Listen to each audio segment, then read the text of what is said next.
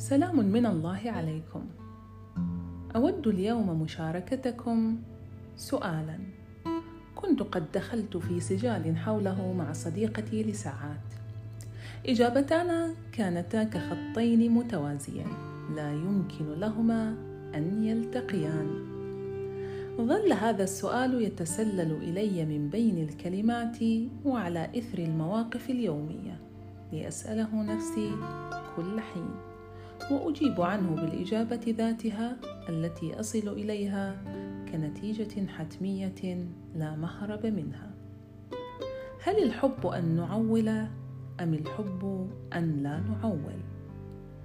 كان رأي صديقتي الذي شرع هذا السجال أن الحب لا يعني أن نعول أي أن نحب بمعزل عن المشاركة أن نحب دون أن نفكر في التعويل على من نحب بأي شكل من الأشكال وبأي قدر منه أن نحب دون أن ننتظر شيئا ممن نحب.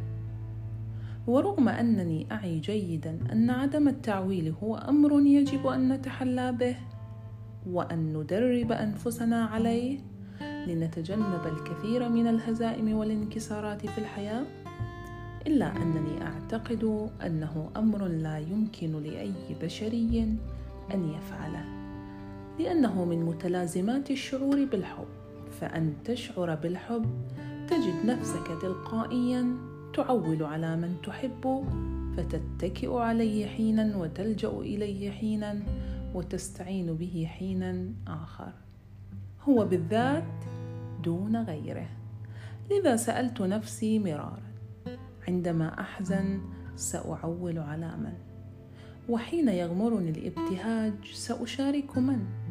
وكيف هو وقع الخيانة ممن نحب.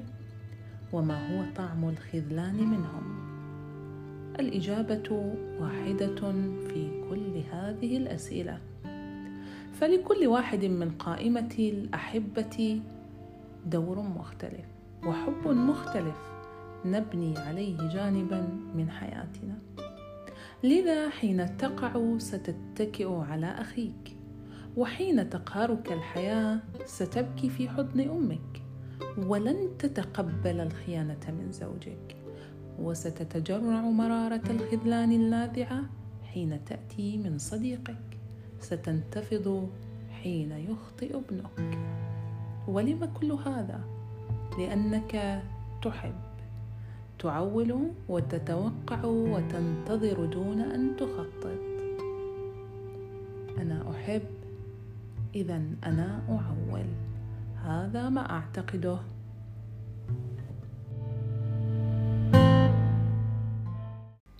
وفي الختام أتمنى أن تشاركوني آراءكم حول هذا الموضوع في منصتي المتواضعة عبر تطبيق إنستغرام وعي فويس.